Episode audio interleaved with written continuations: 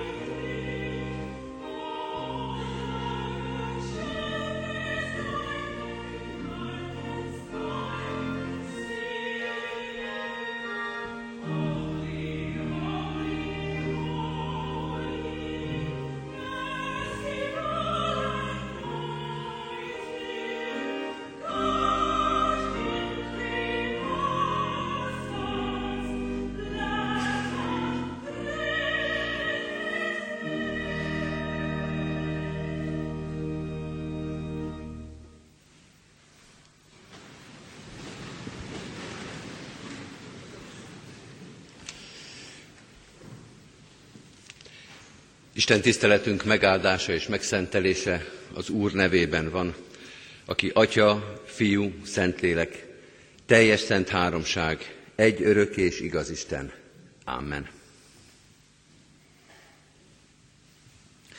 Hallgassa meg a gyülekezet Isten írott igéjét a bírák könyvéből, a 18. rész elsőtől hatodik versét olvasom. Isten igéjét alazatos szívvel, méltó figyelemmel hallgassuk. Abban az időben nem volt király Izraelben, és ezekben a napokban keresett magának örökséget Dán nemzetsége, ahol lakék, mert mindeddig nem jutott neki osztályrész Izrael törzsei között. Dán fiai elküldték a házanépükből öt férfit, vitéz férfiakat a saját határaiból, Kórából és Estáolból, hogy kémleljék ki, és nézzék meg jól a vidéket.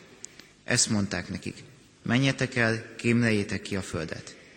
Mikor elérkeztek Efraim hegyvidékére, Miká házához, ott megszálltak.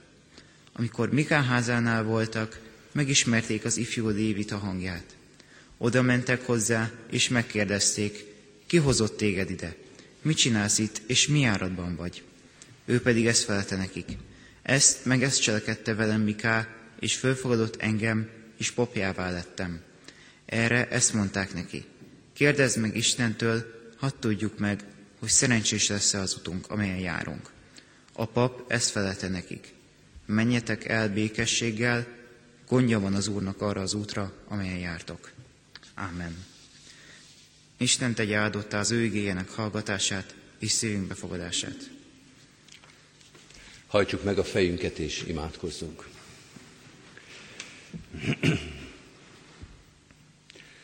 Szent vagy, szent vagy, szent vagy, mindenható Isten. És mi hálásak vagyunk azért, hogy látjuk a Te szentségedet. Egy sokszor szentségtelen világban.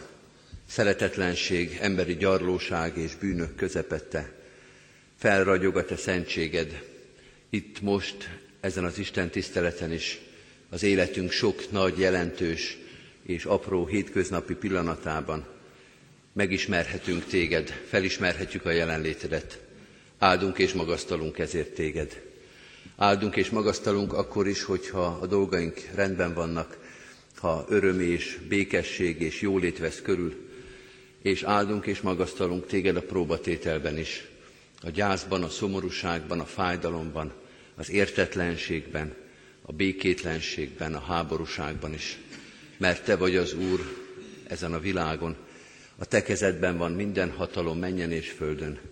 Dicsérünk és magasztalunk Téged, hívunk és várunk Téged, mutasd meg a hatalmadat, dicsőségedet, a Te kegyelmedet és szeretetedet. Köszönjük, hogy hozzád fohászkodhatunk. Köszönjük, hogy nem vetettél el minket bűneink és gyarlóságaink miatt, hogy annyi lázadás, annyi hűtlenség, annyi ellenedés, egymás ellen és önmagunk ellen elkövetett vétek és bűn után mégis kegyelmesen fordulsz hozzánk. Fordulj hozzánk így. Fordulj hozzánk türelemmel és szeretettel, mert türelmedre és szeretetedre szorulunk. A kegyelmedből élünk nap, mint nap. Erősíts meg minket szent lelked által, hogy ne csak kérjünk téged, hanem hallgassunk is. Ne csak hallgassunk, hanem kövessünk is. Ne csak kövessünk, hanem hirdessünk is téged. Hálát adunk a feladatért, a szolgálatért, amelyel megbíztál, itt ebben a városban és szerte a világban, hogy tanítványokká tegyünk minden népeket. Add ehhez nekünk a te szent lelkedet, tégy minket alkalmassá, alázatossá és engedelmessé ebben a szolgálatban. Most is arra kérünk, a te lelked ünnepeljen velünk, a te lelked hirdessen igét, a te lelked szenteljen meg minket, hogy igédet és üzenetedet befogadhassuk. Jézus Krisztusért, a feltámadott Úrért kérünk, nem csak magunkért, a közösségeinkért is, a gyülekezetünkért, a városunkért, a nemzetünkért, a sokat szenvedett magyar népért. Légy velünk, vezess és mutass nekünk utat, és add a te lelkedet, hogy kövessünk és hirdessünk téged. Ő érte, a feltámadott Úrért, a történelem Uráért, Jézus Krisztusért kérünk. Amen. Kedves testvérek, készülünk az ige hirdetésére a 166. dicséretünkkel. Ennek a hónapnak az éneke ez, Isten tiszteleteinken fogjuk mindig énekelni. Most az első verszakot énekeljük, 166. dicséretünk, Urunk Jézus, fordulj hozzánk, szent lelkedet ma tölts ki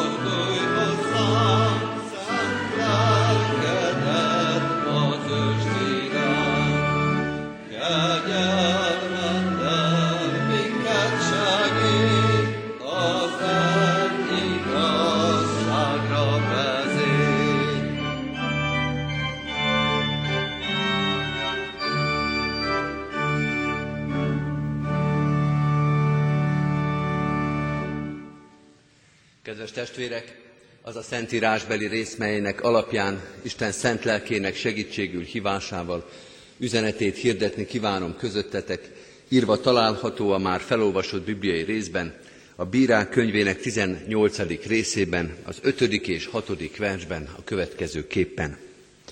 Ekkor azt mondták neki, kérdezd meg az Istent, hogy megtudjuk, sikeres lesz-e az utunk, amelyen járunk.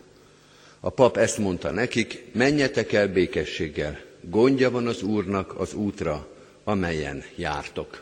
Eddig Istennek írott igéje.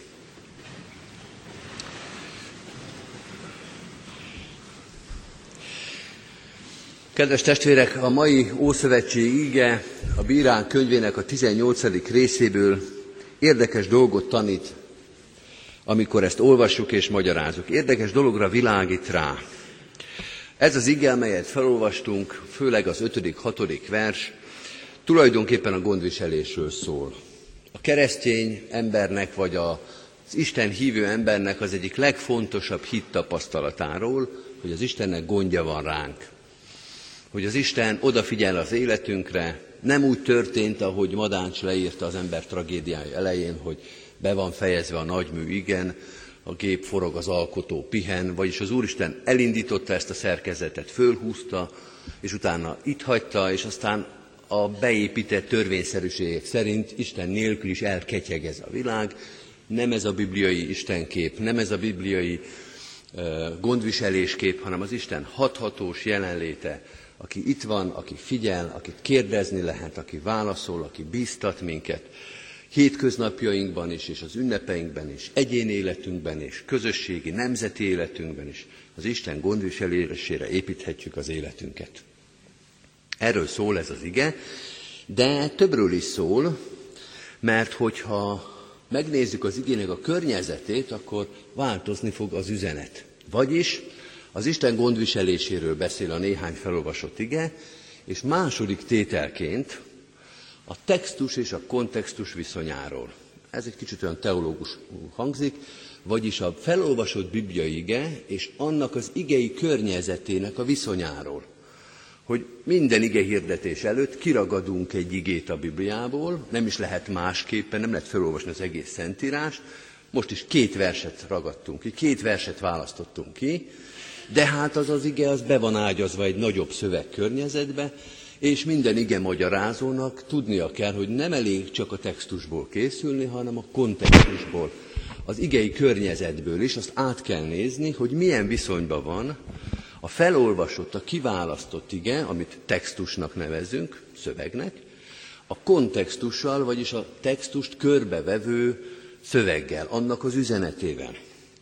Az ige és az ige környezete.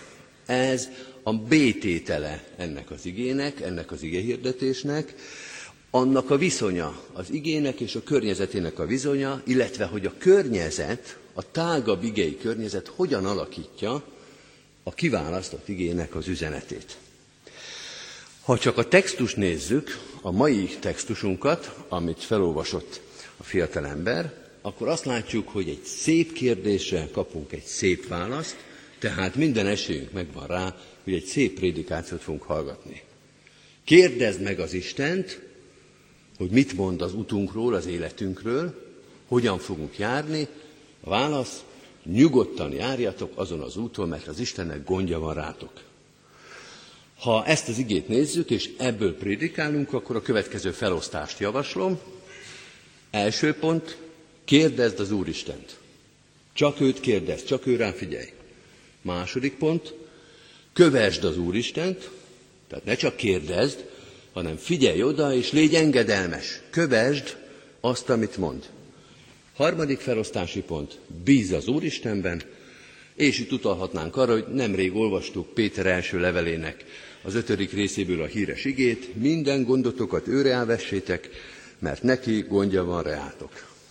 Tehát bíz abban, hogy ha Istent követed, akkor jól fogsz járni, akkor figyel rád, akkor vigyázz rád.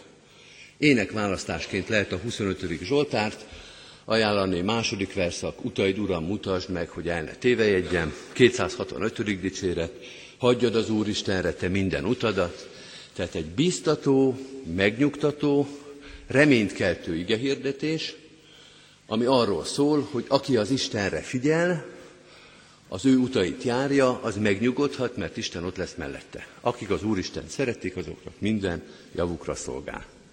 Szép igehirdetés, és még igaz is lenne.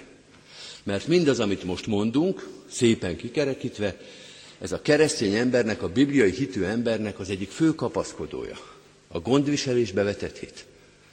Hogy az Úristen odafigyel ránk. Igaz, és nagyon sok esetben nagyon erős kapaszkodó és biztatás.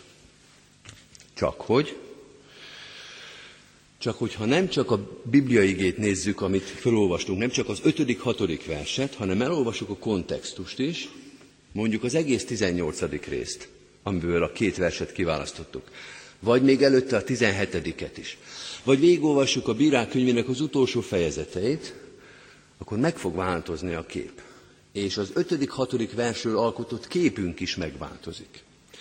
A kontextus, vagyis a bírák könyvének az utolsó fejezetei, ez egy érdekes rész, négyszer írják le ugyanazt a mondatot a különböző történet bevezetésekkor, abban az időben nem volt király Izraelben. Kétszer még azt is hozzáteszik, hogy és mindenki azt tette, ami neki tetszett. Ezt nyilván már a királyság idejében írták le, és visszaemlékeznek a királyság, vagyis bizonyos értelemben a politikai állammá való válás előtti törzsi időkre, ez a bírákora, tehát visszaemlékezve egy picit magyarázatképpen, egy kicsit magyarázkodásképpen leírják, hogy hát ami most történik, az amit most leírunk, az akkor történt, amikor még nem volt király. Mindenki azt tette, amit akart. És valóban a bírák könyve, az utolsó fejezetek kaotikus állapotokat írnak le.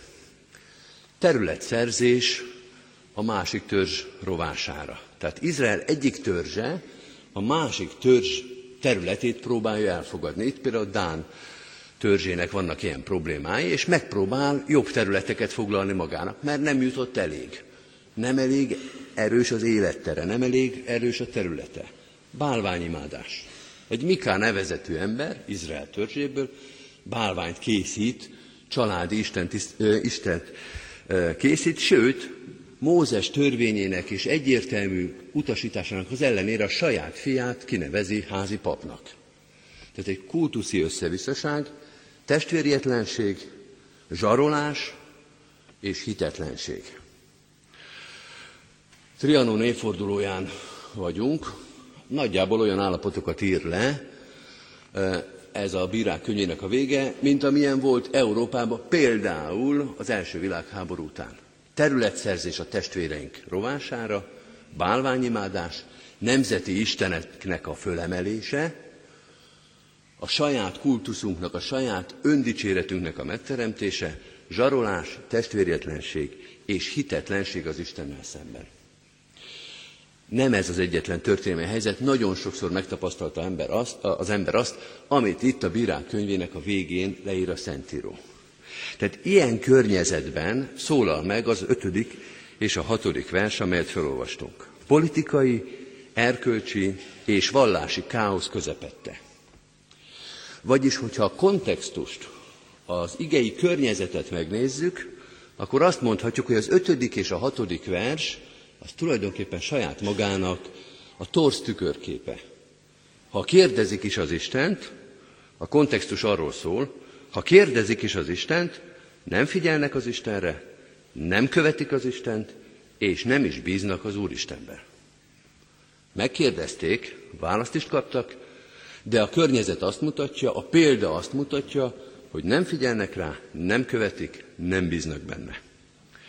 A kontextus fényében, vagy inkább úgy kéne mondani, hogy a kontextus árnyékában, ez a textus, amit az előbb mondtunk, hogy ez milyen szép, hogy kérdezd az Istent, kövesd az Istent, bízz az Istenbe, ez hazugság. Ez önáltatás Izrael szájában. Ez álságosság. Éppen az ellenkezőjét teszik.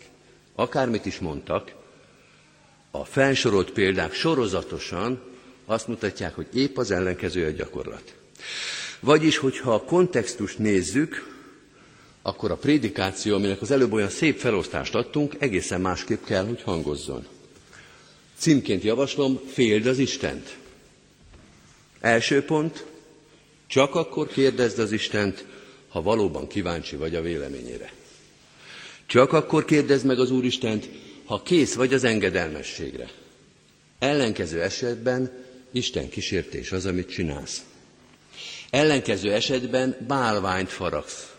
Mert egy olyan Istent akarsz, ami mindig arra bólogat, amire te kíváncsi vagy.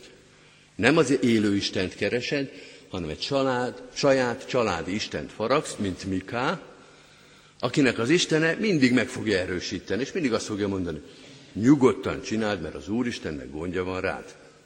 De ez nem az élő Isten, ez a te Isten szobrod. Csak akkor kérdezd az élő Istent, ha valóban rá vagy kíváncsi. Második pont, csak akkor hivatkozz az Istenre, ha valóban ismered az akaratát. Csak akkor hivatkozz az Istenre, ha valóban azt hirdeted megalkuvás nélkül, önmagadnak is, meg az idegeneknek is, akik itt most megkérdeznek téged, vagyis bárkinek.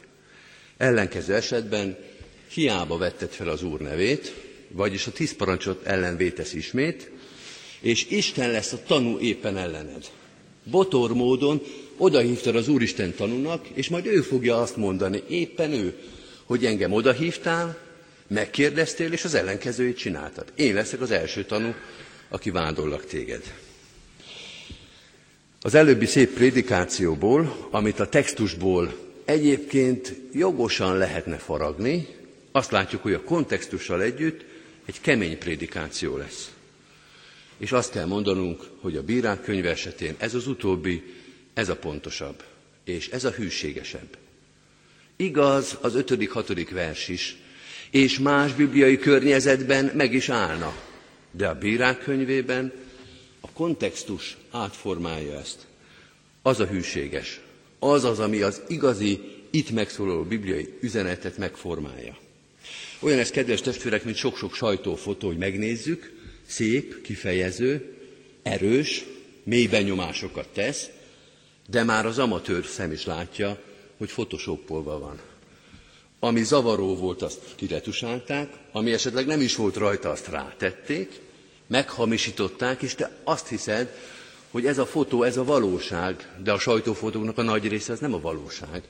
A számítógépes monitoron készül. Néha csak a fényképező hibáját retusálják ki, néha a kívánt üzenetet teszik fényképszerűvé. Mert az ember azt gondolja, hogy a fényképen a valóságot látják. De ez becsapás, ez önáltatás, ez hazugság. Ez az eredeti üzenetnek a meghamisítása. Hűséges fotót kell keresni, nem pedig szépet és kifejezőt.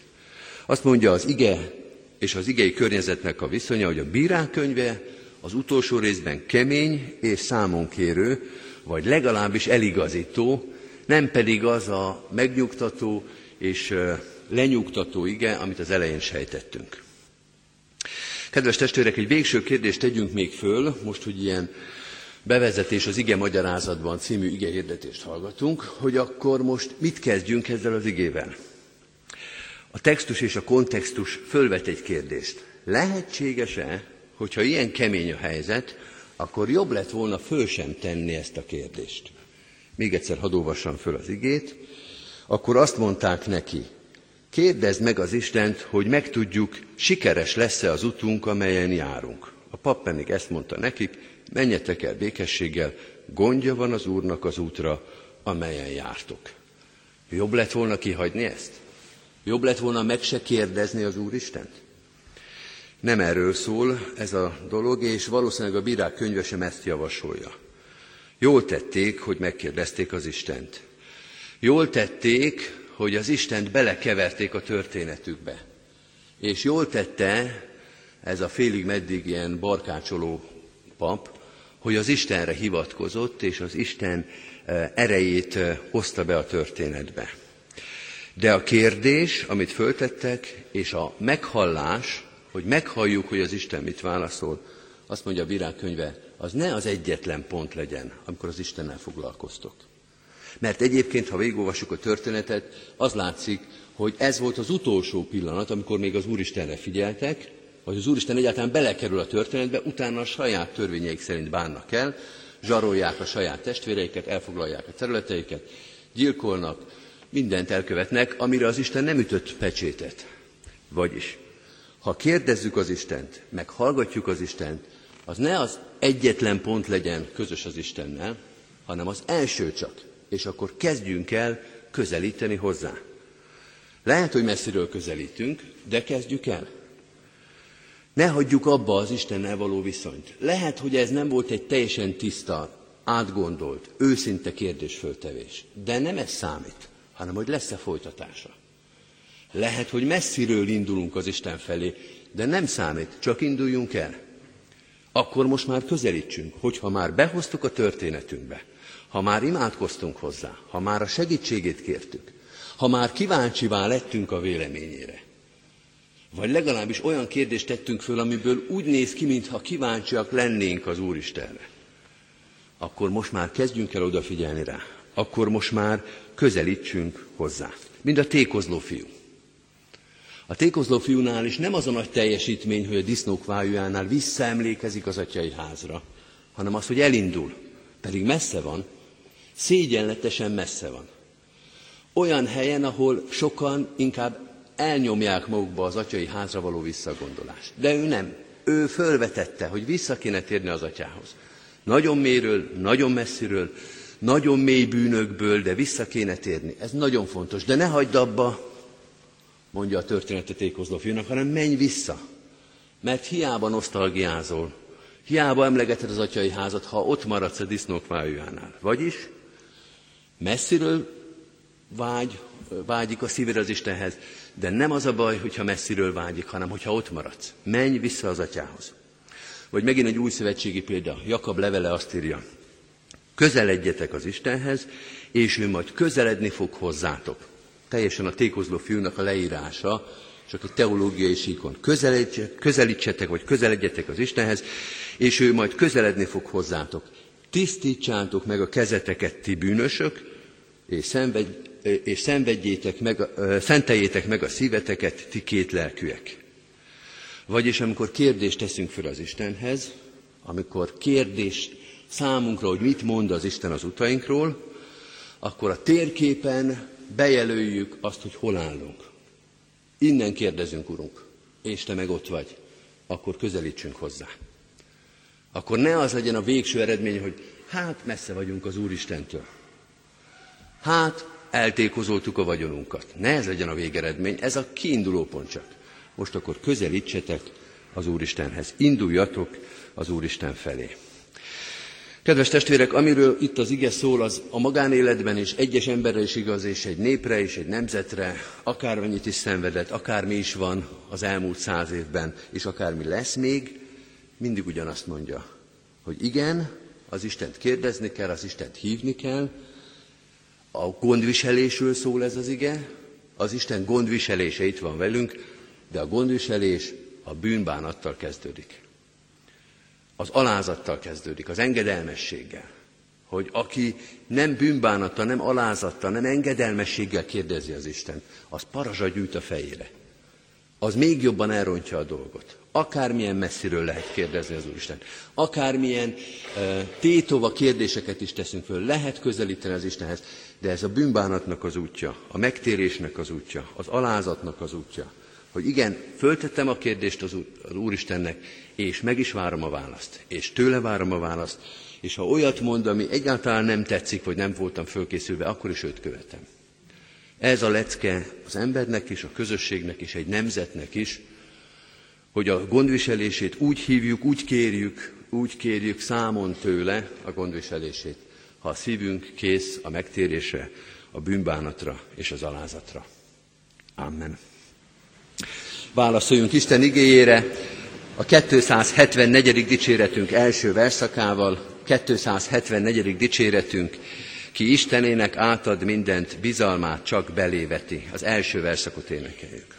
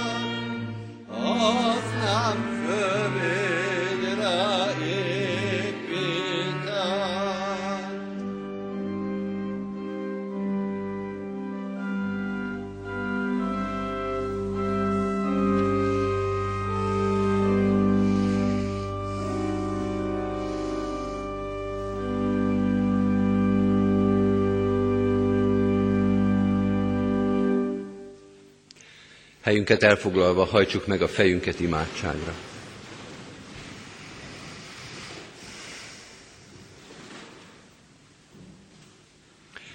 Kegyelmes mennyei atyánk, bocsáss meg minden olyan kérdést és imádságot, amelyben benne volt a te szent neved, de nem volt benne a mi alázatunk, a mi nyitottságunk, a mi kíváncsiságunk a te akaratodra.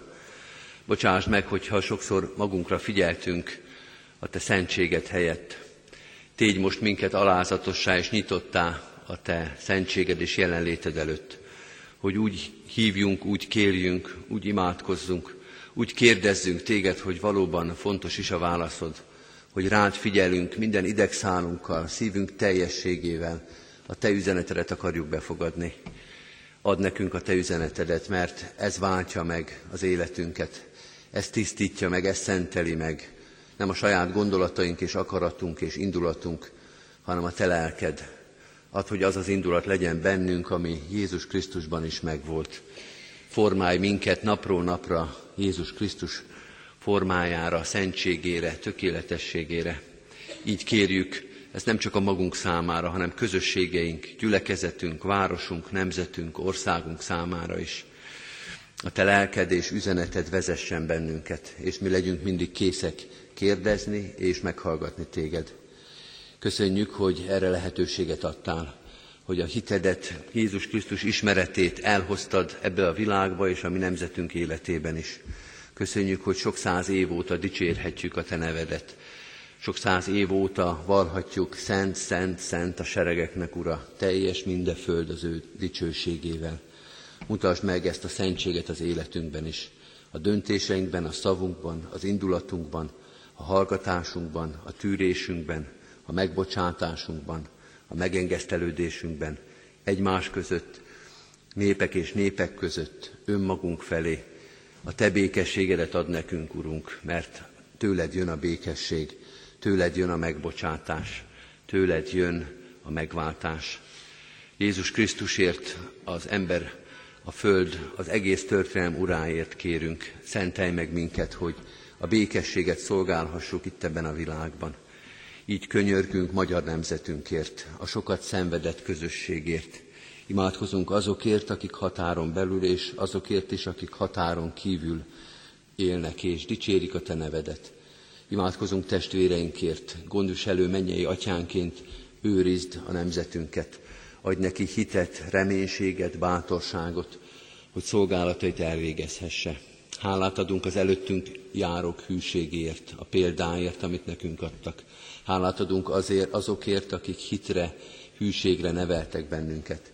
Kérünk téged, maradj velünk ezzel az erővel, hűséggel, hogy mi is nevelhessük gyermekeinket, unokáinkat Krisztus ismeretre, a tőled kapott ajándékok megbecsülésére.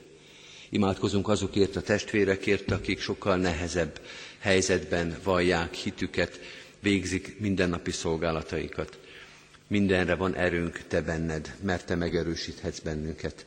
Így könyörgünk a szorvány helyzetbe jutott magyarságért, könyörgünk a nehéz politikai, nemzeti helyzetben lévő testvéreinkért, és könyörgünk a békességért, önmagunkkal, egymás között, a körülöttünk élő népekkel. Áldást kérünk a városunkra, a környékünkre, a földrészünkre. Hiszük, Úrunk, hogy a Te szeretetedben és gondviselő kegyelmedben minden nagy közösségünk benne lehet. Te mutasd meg hatalmadat rajtunk, és tégy minket hitvalló keresztény néppé, keresztény közösségé, hogy hirdethessük Jézus Krisztus szentségét szerte a világban. Könyörgünk a gyászolóinkért, a megfáradtakért, imádkozunk azokért a testvéreinkért, akik koporsó mellett álltak meg az elmúlt héten, vagy ezután kényszerülnek erre, akiknek az élet közös, különös terhét kell most hordozniuk. Segíts nekik vigasztalásoddal, reménységeddel, mindennapos jelenléteddel.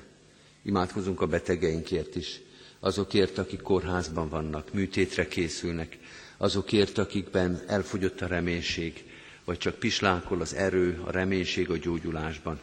Urunk, Te állj mellettük, erősítsd, bíztasd őket hiteddel, jelenléteddel, vigasztalásoddal. És így imádkozunk azokért is, akik mások terhét hordozzák, hogy ápolni, vigasztalni, bátorítani tudják a gyengéket, hogy alázattal és engedelmesen figyeljenek rád. Könyörgünk gyülekezetünkért, minden közösségünkért, minden szolgálatunkért, mindenben keressük a Te dicsőségedet, hirdetjük a Te evangéliumodat, Jézus Krisztusért, ami Urunkért. Amen. A következő csendes percben vigyük egyen-egyenként is Isten elé imádságainkat. Amen. Az Úrtól tanult imádságot együtt és fennállva mondjuk el. Mi, Atyánk, aki a mennyekben vagy, szenteltessék meg a Te neved. Jöjjön el a Te országod. Legyen meg a Te akaratod, amint a mennyben, úgy a földön is. Mindennapi kenyerünket add meg nékünk ma, és bocsásd meg védkeinket, miképpen mi is megbocsátunk az ellenünk védkezőknek. És ne vigy minket kísértésbe, de szabadíts meg a gonosztól, mert tiéd az ország, a hatalom és a dicsőség mind örökké. Amen. Végül énekeljük el nemzeti imádságunkat, a himnuszt.